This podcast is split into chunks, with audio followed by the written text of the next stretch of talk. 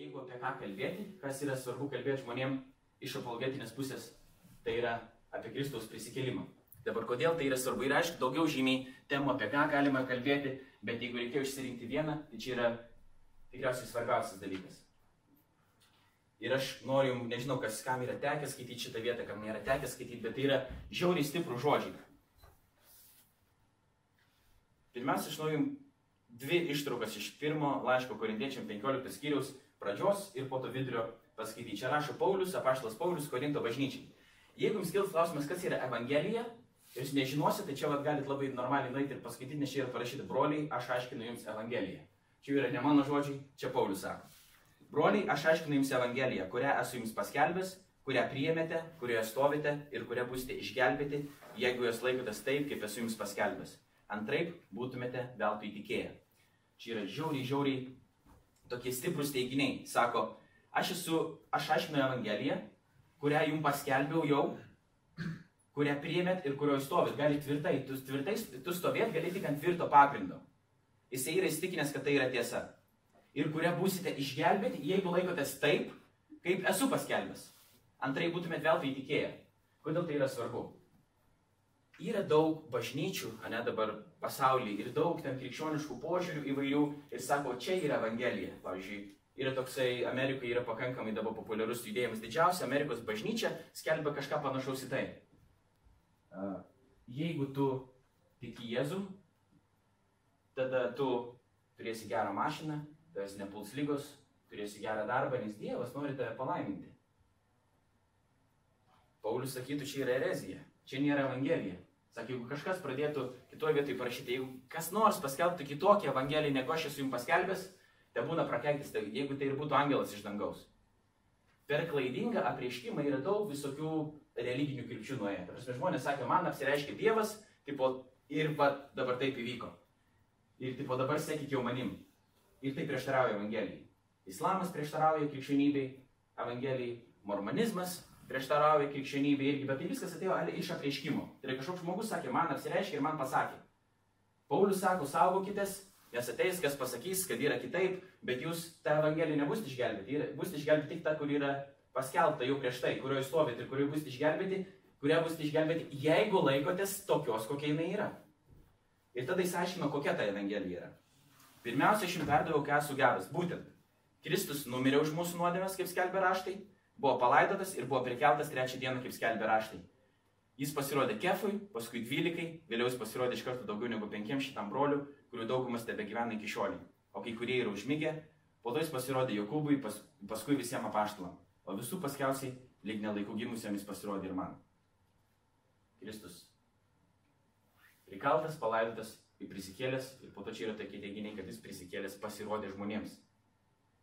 Dabar mes, aš pasiūlysiu jums tokią prieigą, um, kuri yra vadinama minimalių faktų prieiga. Ir jinai yra iš to straipsnio, jūs neskaitykit. Tiesiog aš savo, kad aš nepamirščiau, ką noriu pasakyti, aš, aš, aš šitą dalyką uh, atsidarau. Yra toks Gary Habermas, kuris yra tyrėjas arba band, bando pagrysti Jėzus Kristus prisiklimą iš istorinės pusės. Jis yra tokios naujo, naujo, naujo istoriografinio metodo, vadinamo minimalių faktų prieiga, pagrindinis proponentas. Jų yra ir daugiau, proponentas tas, kuris tiesiog varo ją į priekį.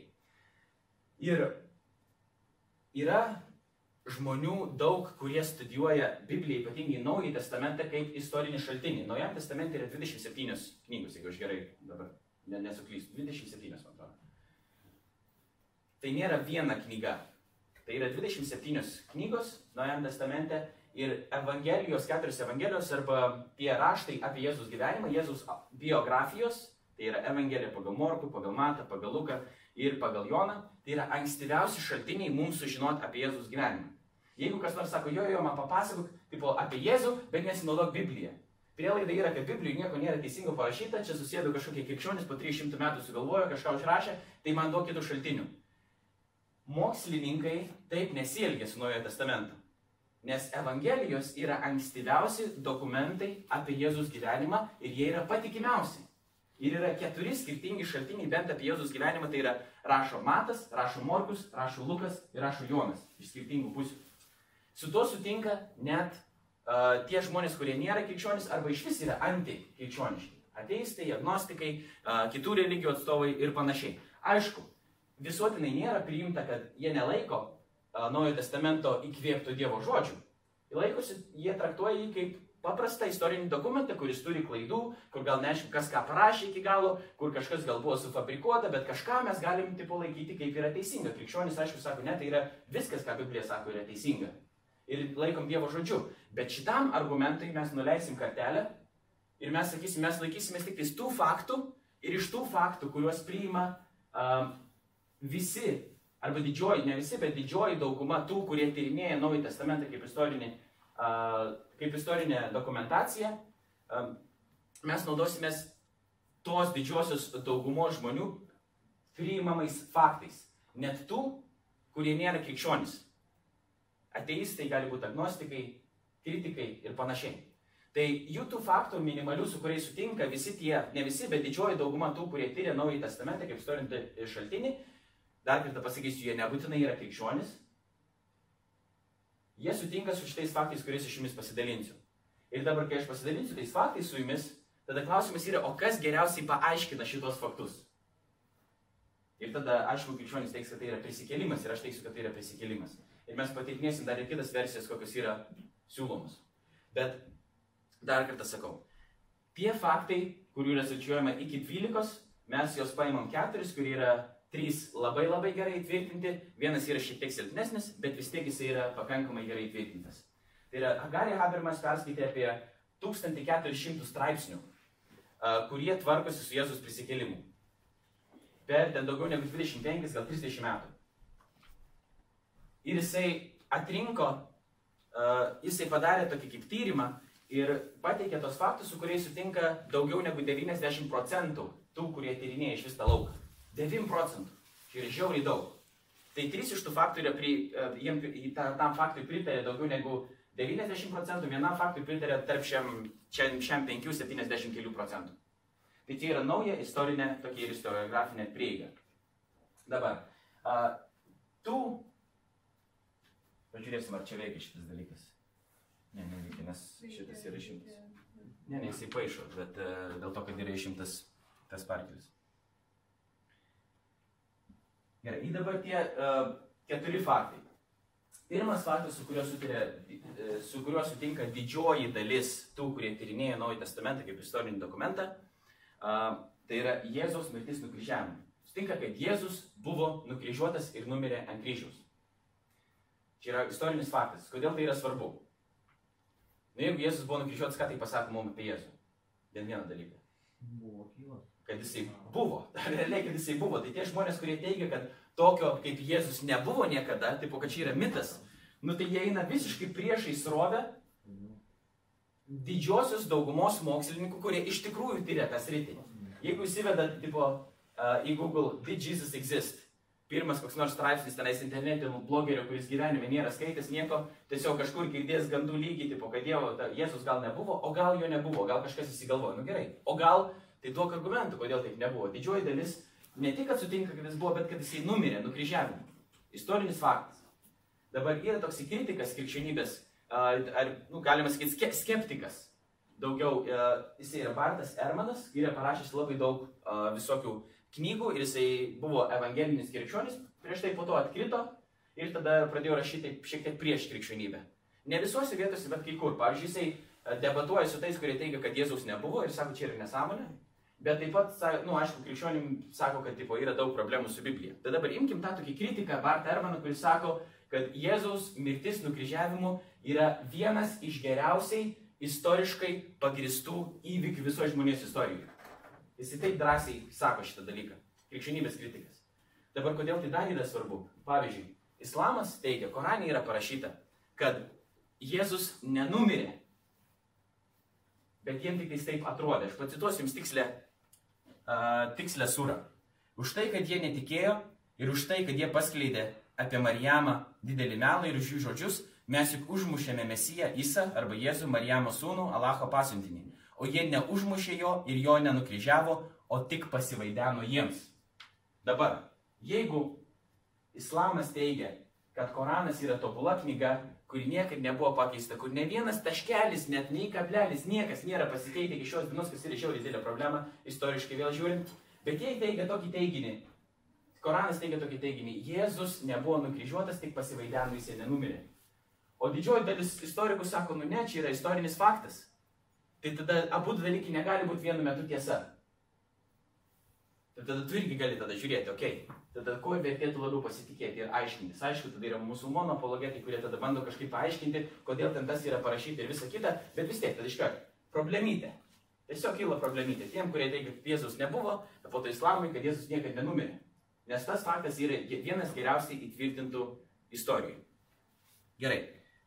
Antras faktas, kuris yra, negali būti belaikomas minimaliu nes jisai nėra virš 9 procentų. Gary Habermas sako, kad jis būtų laikomas minimaliu faktu, reikia turėti bent 90 procentų sutikimą. Čia yra tarp šiam kažkelių 70 kažkelių procentų tų žmonių, kurie studijuoja Naują Testamentą, kurie sutinka su šituo faktu. Ir nors ir 90 procentų, bet vis tiek yra didžioji dauguma. Ne tik 5 procentų, bet tarp 60 kelių, 70 kelių. Ir mes, tai čia yra tiek, tiek žmonių su to sutinka. Dabar, toksai Bilas Kreigas, jisai teigia, kad dar galima e, naudoti ne tik tai šitą argumentą, kad daug kas su to sutinka iš tų, tų kurie tyria Naują Testamentą, bet yra dar bent trys atskiros priežastys manyti, kodėl Jėzaus kapas iš tikrųjų buvo tuščias, kad tai yra istoriškai patikima. Pirmas dalykas yra tai, kad Jėzaus tuščio kapo istorija buvo skelbiama Jeruzalėje, kur Jėzus ir buvo palaidotas. Nukryžiuotas, numirė ir buvo palaidotas. Gerai, Jeigu ateina žmonės įskelbia, kapas yra tuščias, tame pačiame mieste, kur tas kapas yra, bet kapas iš tikrųjų yra pilnas, nu tai, nu, tarsi, jame dar tebėra lavonas, tai be galo sunku yra apgauti, nes žmonės tada gali nueiti ir patikrinti tą kapą, pažiūrėti, tenais yra tas lavonas ar nėra. Tai čia pirmas yra dalykas, kad tie žmonės skelbė Jėzaus kaip tuščią kapą ir po to prisikėlimą tame pačiame mieste, kur viskas įvyko ir kur viskas galėjo būti patikrinta. Taigi žmonės, nu, ne, mes galvojam kartais, kad mes esame žymiai gudresni už tuos, kurie gyvena prieš 2000 metų, jie glūšiai nieko nesupranta, nesigaudo visai. Ir tipo tiki belė ko, kas yra pasakyta. Faktas, kad taip nėra. Norėjo patikinti, tikrai buvo žmonių, kurie ėjo, tikrino, aiškinosi. Ir nepatikėjo bet kuo, belė kuo. Tai čia a, viena iš tų trijų priežasčių. Antras dalykas yra toksai sugėdinimo kriterijus, a, kuris irgi gali pagristi tai, kad kapas buvo tuščias. Ką tai reiškia? Jeigu tu sukuri kokį nors dalyką, nori jį prakišti, pavyzdžiui, kurie žmonės sako, uh, žmonės sukūrė krikščionybę, nori ją prakišti, nes tai yra kažkaip naudinga jiems. Tai jeigu tu nori prakišti kažkokį daiktą, tai tu pasakosi apie tą daiktą arba tą idėją kuo geresnių dalykų. Tu nepasakosi tokių dalykų, kurie tau trukdytų tą idėją kažkaip, nu, pra, pramušti. Pavyzdžiui, ten, žinai, sakai, nu, noriu biškius užsidirbti pinigėlių, tu po tabletytę tokią sušaudysiu, žinai, ir sakysiu, kad čia nuo visų lygų jinai gydo, ir ten uždėsiu, žinai, gražų įpakavimą, ten pasakosiu, žinai, tipo, kaip ten mokslininkai padarė yra tyrimus, kaip tenais viskas yra gerai, o iš tikrųjų tada plėtyti dar iš aštuonių, tipo, vietoj to, kad pagydytų, iš aštuonių septyni miršta. Tai tu, tipo, tą fakčiuką, arba ten, nu, nebūtinai miršta, bet ten, tipo, skrandis susisuka ten pradedi, žinai, nežinau, vidurius paleidžia dar kažką. Nutilėsi tą medžiagą, kuri tau yra nenaudinga tam, kad nori pasiekti, kad tau būtų didesni pardavimai. Tai dabar krikščionybės istorija yra pilna tokių istorijų, pasakojimų, kurie iš pirmo žvilgsnio niekaip nepadeda krikščionybė, bet jie vis tiek yra užrašyti Biblijų. Yra gėdingi, realiai yra gėdingi. Tai jeigu jis yra gėdingas ir jis yra užrašytas, tai didelė tikimybė yra, kad taip iš tikrųjų ir buvo. Nes kam kitam pasakoti, jeigu tu nori prakišti tą savo reikalą, tai tu pasakoji tik tais tai, kas yra geriausia. O tenais yra parašyta tokių dalykų, kurie yra gėdingi krikščionybei. Vienas iš jų yra, jums bus merginos gal keista, bet tai yra, kad Jėzaus kapą pirmosios atrado, tuščią kapą atrado moteris. Dabar kodėl tai yra svarbu, kodėl tai yra gėdinga? Tuo metu ir tuo, toj kultūroj moters liudijimas nebuvo vertas tiek pat kiek vyro. Jeigu tu nori prakišti tipo Jėzus tuščią kapą ir prisikėlimą, tu išrinksi geriausius vyrus, jeigu tu esi tai sugalvojęs. Geriausius vyrus, patikimiausius vyrus, kurie būtų aukšto statuso, kad tu suteiktum savo patikimumu.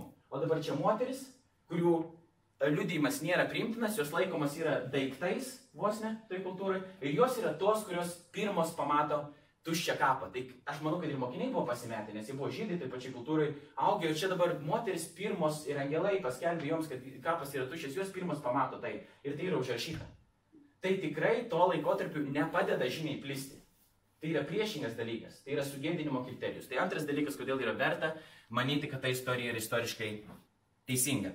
Ir trečias dalykas yra tai, kad tam, kad mes galėtum galvoti, kad kažkoks dalykas yra istoriškai teisingas, reikia daug nepriklausomų ir ankstyvų šaltinių.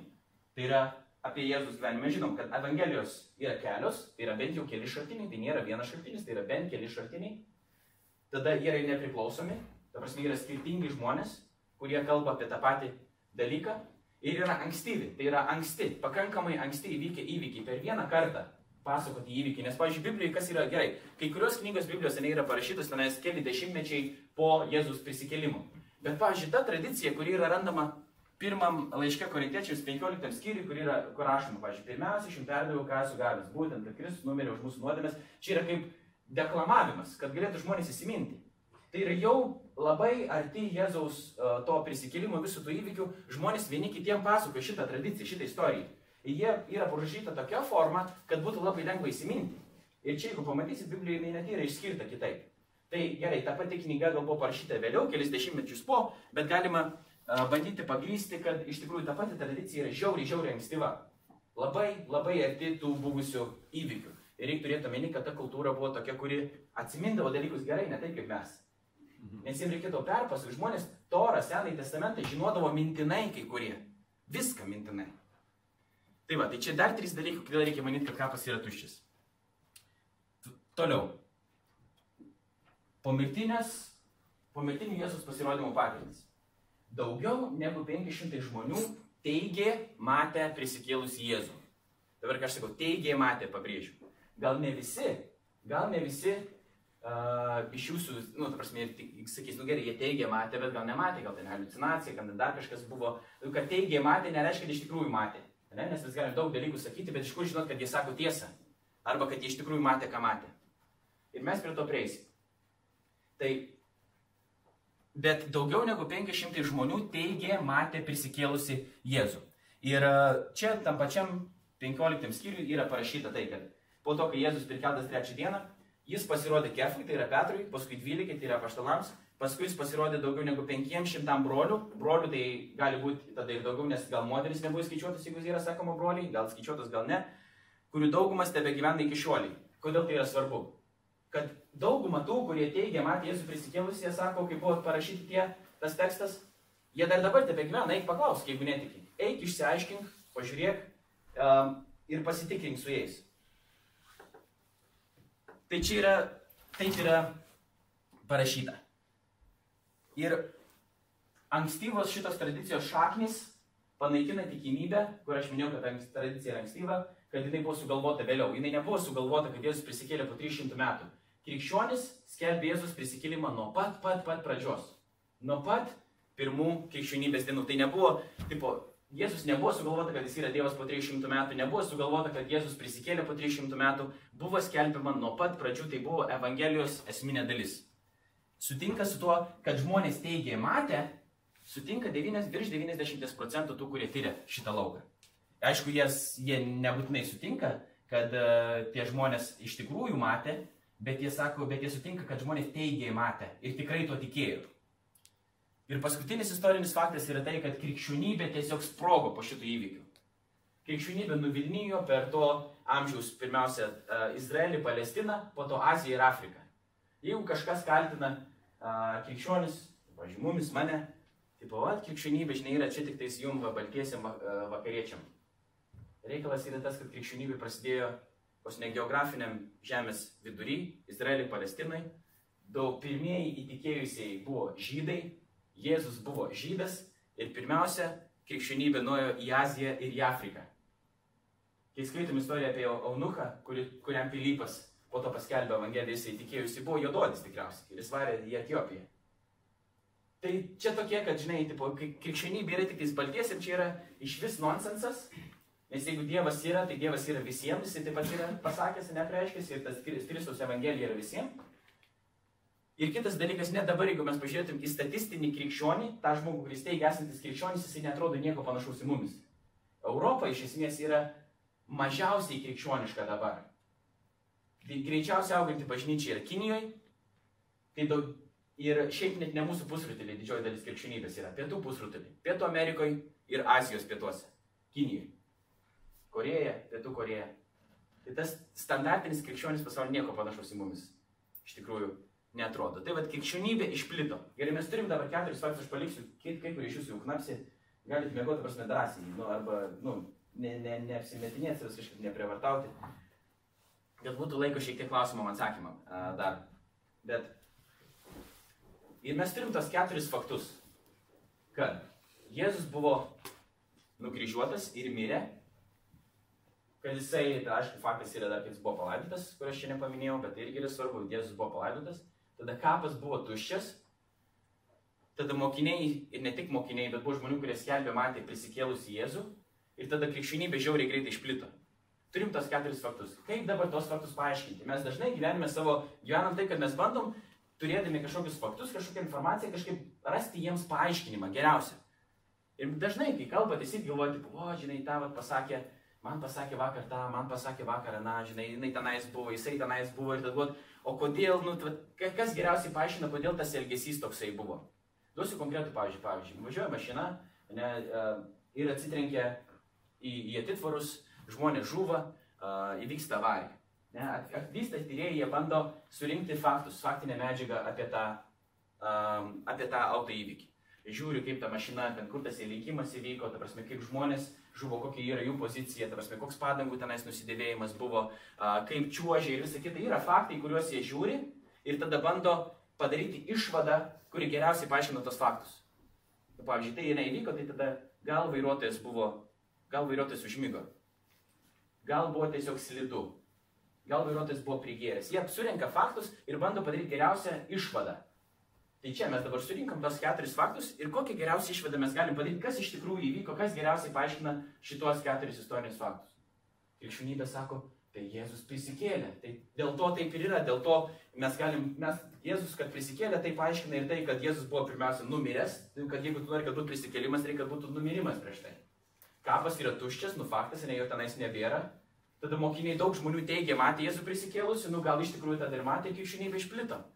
Nors tai buvo nesąmonė, atrodo, žydų mąstymui, jie neturėjo, žydai neturėjo tokio koncepto pris, uh, mirštančio ir prisikeliančio mesijo. Žydai laukė karaliaus tokio, jie, jie laukė politinio lyderio, kuris ateis, sunaikins Izraelio priešus ir išves visus kaip karalius. Ir Emas vakar sakė, Emas man atrodo sakė, jo, kad mes galvom apie tą jėgą, apie tą galę, kur va taip va parodyti tokį triuškinančią galę. O iš tikrųjų Dievas ir parodė tą galę, bet visiškai kitaip negu žmonės galvoja. Žymiai galingiau jis atėjo ir numirė pats ant kryžius, atidavė gyvybę mums nuodėmingiesiems, už mūsų nuodėmės. Bet ant kryžiaus neliko. Ne tai, tai toj kultūroje, ta prasme, čia atrodo, nu, kaip, kaip galėjo toj kultūroje ir nuo ten prasidėti, atrodo vos nepriešingas dalykas, kuo jie tiki. Kad Jėzus daugam, kaip sakė Emas irgi vakar, nepatogus buvo, nes jisai sako, gerai, jūs turėjote raštus, bet jūs čia netaip supratot. Jūs čia netaip supratot. Jisai buvo nepatogus, nes žmonės galvoja, kad jie viską gerai supranta, iš tikrųjų netaip suprato, kai Jėzus atėjo, jis sakė, va taip, dėl to reikia žiūrėti į Jėzų, ką jisai mokė, koks jisai yra, nes jisai yra tas neregimasis Dievo atvaizdas, kuris apreiškęs yra mums Dievą. Ir Dievas, tas mesijas netitiko tų standartų. Ne? Bet ta žinia kažkaip pradėjo nuvilnijo, nes galvojo žydai, buvo toks žydų mąstymė tas konceptas, kad prisikėlimas vyks tik tais laikų pabaigoje. Visi bus prikelti, yra toks įstikinimas. Bet nebus taip, kad pirmas bus prikeltas kažkada anksčiau. O jie sako, jūs netaip supratot, aš būsiu tas pirmas, pirmas vaisius prikelimo. Ir jūs mane žiūrėdami galite žinoti, kas laukia jūsų tų teisiųjų, kurie yra Jėzuje Kristuje, kurie yra manyje.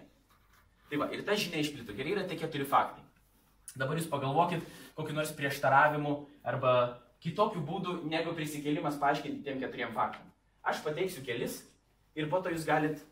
Na, gerai, dabar geriau tai padarykit. Jūs sakykit, nu, kokį nors, pavyzdžiui, prieštaravimą, kuris būtų paaiškintų šitos faktus, bet tai būtų, neprisikėlimas. Jeigu kažką sugalvosit, ta prasme, aš jau turiu nuojautę, kas tai bus, bet gal kažką pataikysit visiškai kito. Jeigu nepasakysit ir yra dabar tiesiog jums per sunku po tos naujametinės nakties iš vis mąstyti, ką nors, tai tada Kai atsigausit, nežinau, kai grįžtit, galėsit pažiūrėti iš naujo, jeigu norėsit, arba, arba paskaityti šitą straipsnį ir atsigaminti viską.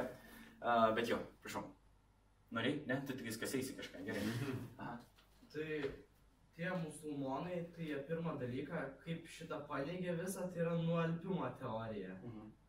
kad Jėzus nuolpo. Taip, ir ant kryžiaus jis buvo, nu, kaip gyvas, bet, nu, tipo, nualpęs kelias dienas. Ir tris dienas buvo, tipo, atsijungęs. Gerai, nu, vat, vie- tai, gerai. Vienas, vienas iš prieštaravimų, kurį mes galime dabar trumpai panagrinėti. Jėzus ant kryžiaus buvo gerai prikaltas, bet iš tikrųjų jisai nenumirė, o jisai tik tais nuolpo. Gerai. Reikaliukas dabar problemytis, čia kaip aš uh, sakau, su tuo, su tuo dalyku. Visų pirmiausia, nėra istorijoje niekur dokumentuota tokio dalyko, kad kas nors būtų išgyvenęs pilną romėnišką nukryžiavimą. Aš nežinau, kas yra iš jūsų bandęs studijuoti, kas yra nukryžiavimas šis pareikalas. Bet kad tu jį, sakau, pirmiausia, tai istorijoje nėra dokumentuoto tokio įvykio, kad pilna, aš pabrėžiu pilną romėnišką nukryžiavimą, kad būtų kas nors išgyvenęs, nėra tokio dalyko. Tai čia pirma problemytė. Dabar kaip atrodo tas uh, nukryžiavimas, ne? nes negalim visko iki galo žinoti, bet istoriniai šaltiniai kalba panašiai taip, ne? Ir, ir Biblijoje yra tai parašyta, Jėzus pirmiausiai buvo nuplaktas. Jisai buvo nuplaktas žiauriai, po to jisai nešė kryžių dar kelis kilometrus. Jisai, tai tas nuplakimas nėra paprastas reikaliukas, aš jums galiu pasakyti. Ta prasme, kai tai buvo toksai vienas iš botagų, kuris atsilupa. Jo, ta prasme, kad tas vienas iš botagų, kuris buvo naudojamas, jisai ten turėjo vos ne, kiek, nežinoma, ar aišku, su, tiksliai su tuo Jėzų plakė, bet vienas iš tradicinių tų plakimo būdų buvo tai, kad yra tas botagas su devyniais, tom devyniom atšakom ir ant jų, yra, ant jų galų yra pririšti metaliukai arba akmenukai, kurie, kurių tikslas yra įsikabinti į juodą ir išplėšti kiek įmanoma daugiau odos ir atverti kraujagyslės, kad kuo daugiau kraujo ištekėtų, bet žmogus vis dar liktų gyvas. Tai yra kuo daugiau nukankinti, bet išlaikyti žmogų gyvą. Tai Jėzus gali tikėtina, kad su tokiu buvo plakamas. Kai kuriems žmonėms, kai buvo nuplakti, netgi oda kabėdavo. Realiai oda kabėdavo. Ir jis dar turėjo eiti, panešti, nešti kryžių, po to buvo Simonas, kurį tenais pakvietė jam, kad padėtų tą kryžių nunešti. Ir Jėzus tada yra uh, jau tokioj kondicijai, prieš patį nukryžiavimą. Tada kryžiuojama tikriausiai buvo kalant vienis per čia, ne per delną, nes delnai net tikriausiai neišlaikytų uh, svorio mediciniškai. Tiesiog, nu, kad tikriausiai plyštų čia, tiesiog keurai pereitų. Tikriausiai buvo kalama čia. Negalima, aišku, šimtų procentų žinoti, bet galima daryti tokį istorinį spėjimą. Jėzus yra kalamas ant kryžiaus, taip, jau visas nuplaktas ir kryžius yra sukonstruotas kaip kankinimo įrankis.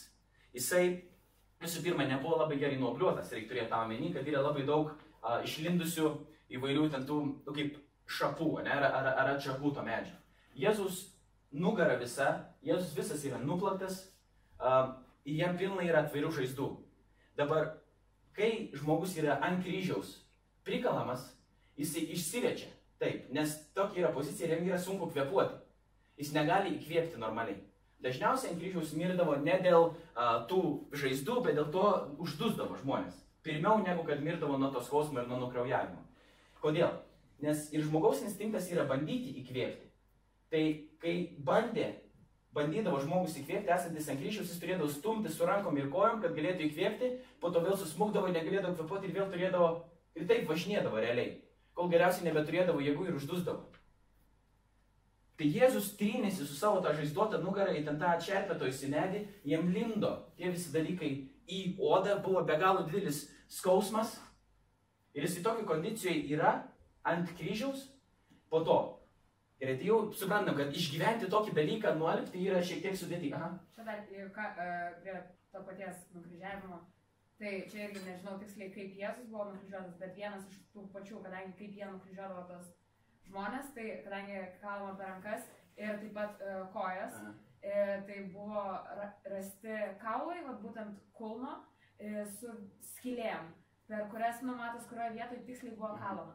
Tai vieta buvo parinkta ne šiaip sau, bet kokia, bet tokia, per kurią prakalus žmogus kankinasi, jam žiauriai skauda, jisai kraujuoja, bet jis nenukraujuoja mirtinai. Mhm. Jisai, kad viskas padaryta yra apskaičiuota taip, kad žmogus kuo ilgiau ant kryžiaus kabėdamas kankintųsi ir išliktų gyvas. Tai tas pats yra jo ir su kojom, kad e, tie kaulai visi su, su tom skilutėm, e, jie parodo tą, tą vietą tikslę, Mhm. per kurią, vat, jo.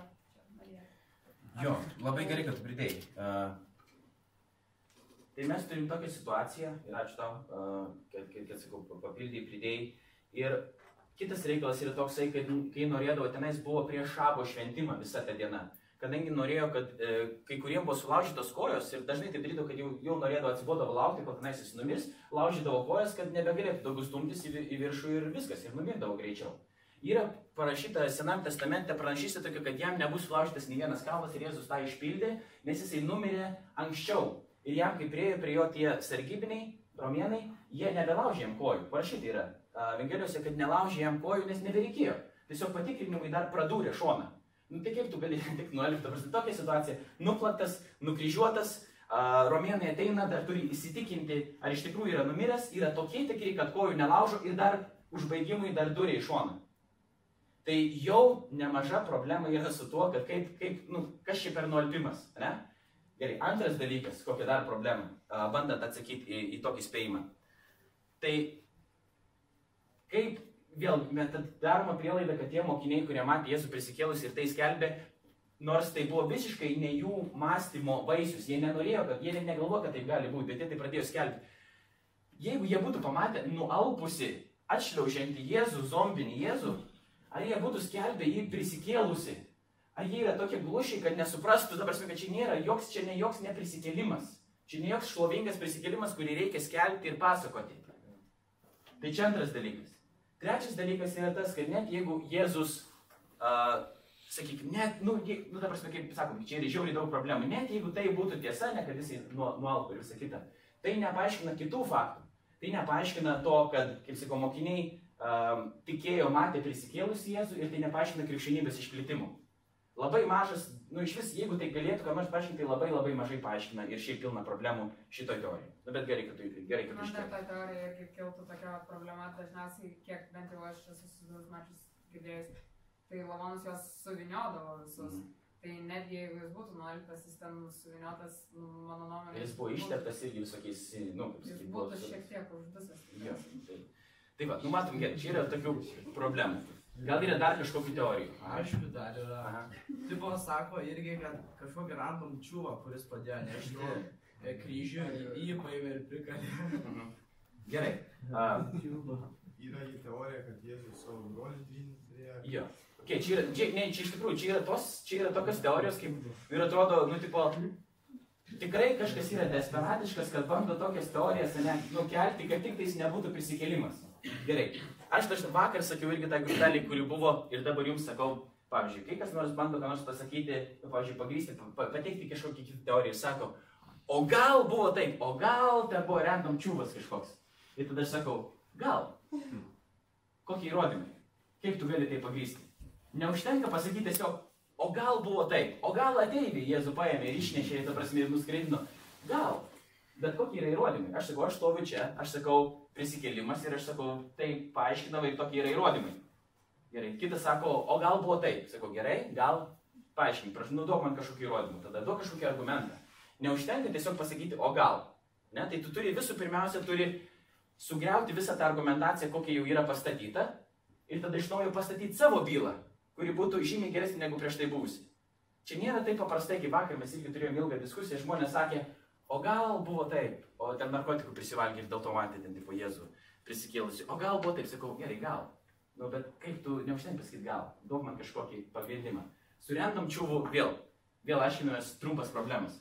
Net jeigu buvo, ta prasme, e, random čiūvas, kaip taip galėjo įvykti, ar tie mokiniai yra glušiai, jie net pažįsta Jėzus, ta prasme, vaikščiojo su juo tris metus, nežino kaip atrodo, ne, ta prasme, žmogus, realiai. Nu kaip, kaip taip galėjo ne, įvykti, kad ne, neatskiria, ne? Jėzus po to rodė savo uh, skylės rankose, ką jisai, tipo, pasidarė skylutę savo kažkokią specialiai, vien tam, kad galėtų pasirodyti, kaip tas įvyksta. Jo kūnas buvo pašlomintas, mokiniai teigia, matė tą kūną ne tokį kaip mūsų, kad jis yra, jis yra kitoks, jisai nepaklūsta mūsų erdvėjai, mūsų laikui, jisai visiškai kitoks kūnas. Ir sakau, vis, nu tai va, vėl čia problema su tuo, su broliu dvyniu. Nu gerai, čia net nereikia, man atrodo, jokio atsakymo. Tipo, Jėzus visą gyvenimą turėjo brolį dvynį, kuris labai žiauriai gerai slėpėsi. Ir, ir tipo, po to išlindo, sako, nu, ir, ir viskas. Nu tai ką, ką man, nežinau, net nežinau, ką reikia pasakyti, ta prasme, apie, tą- tą, brolį dvynį. Ar čia reikia dar netgi bandyti kažkaip, nu, atsakyti šitą argumentą. Nu, galima pabandyti vėl sakyti tada, kokią naudą buvo tiem, kurie, va, pirmieji tie krikščionys, visi jie, ne visi, bet nemažai jų mirė kankinančią mirtim. Nu, koks, koks buvo tikslas, ten nebuvo ta, kaip sakyti, tas, tas judėjimas nebuvo kažkoks tai naudingas asmeniškai žmonėms. Bažnyčia buvo pastatyta ant kankinių kraujo, realiai. Kankinių kraujas yra, sakoma, yra bažnyčios siekla. Taip, krikščionių bažnyčia prasidėjo. Dabar mes, mes dabar galime rinktis LCC, mes galime rinktis, e, Klaipėdai, Lietuvoje, šlovinti Dievą, mes džiaugtis visi kėti, vien dėl to, kad prieš tai žmonės mirė už tą tikėjimą. Ir mes dabar turim tą laisvę. Tai va, tai čia yra kita problema. Gerai, dar be, be šitų, be, be nuolpimo, be random džiuvo, be, ir be, be brolių dvynio. Kokių dar yra? Viena populiari, gal tikriausiai populiariausia, aš pasakysiu, kad jūs turėtumėte laiko dar klausimams, jeigu norėsit, arba turėtumėte laiko palisėti. Viena iš populiariausių teorijų yra halucinacijų teorija. Tai reiškia, kad, Jėz, kad e, matė, mokiniai matė todėl Jėzų prisikėlusi, nes jiems uh, skaudėjo labai širdį ir yra mediciniškai yra pagrysta ir yra tokių atvejų buvę ir ne vienas ir yra pakankamai, nu nėra pakankamai dažnas, bet nėra retas ypatingai įvykis, kad žmonės yra įsitikinę, kad mato savo numirusi uh, giminaitį ar žmogų, kurį mylėjo. Yra įsitikinę šimtų procentų. Tuščias kapas tada. Tu labai gerą pointą pastebėjai. Nes- gal jiem irgi ta halucinacija, nors jis ten buvo. Gerai, tai žiūrėk, tu gerai pasakai dabar, tas tuščias kapas. Vienas, iškart mes tada pereinam prie tų problemų. Ta halucinacijų, tas spėjimas, jisai, jeigu ir paaiškintų pasirodymą mokiniams, jisai nepaaiškintų tuščio kapo, nes tai nėra susiję. Tai reiškia, jau jo paaiškinimų laukas yra, jeigu, net, jeigu veiktų, būtų labai mažas. Jau reikėtų naujos teorijos, kuri paaiškintų, paaiškintų plus tuščią kapą. Tai čia vienas yra dalykas. Kitas dalykas yra tai, kad nėra vėl istorijoje niekur dokumentuota, kad vyktų masinė halucinacija. Nėra tokio, o čia yra teigiama, kad virš 500 žmonių matė tą patį, tą patį Jėzų, matė tokį patį, nėra niekur dokumentuota, vėl galim sakyti, o gal matė jie visi. Gerai klausimas būtų, o kokia argumentacija? Niekur nėra, jokių, taip nėra buvę niekada istorija, čia yra vienkartinis įvykis tik tais, ne, tai čia vienas dalykas. Dar viena problema, ta antra. Trečia problema yra tai, kad ne visi tie, kurie teigia matė Jėzų prisikėlusi, iš tikrųjų buvo prie prisirišę, jį mylėjo ir jį sekė. Bent du žmonės buvo netokie. Vienas iš jų buvo brol, Jėzaus brolis Jokūbas, kuris netikėjo Jėzų.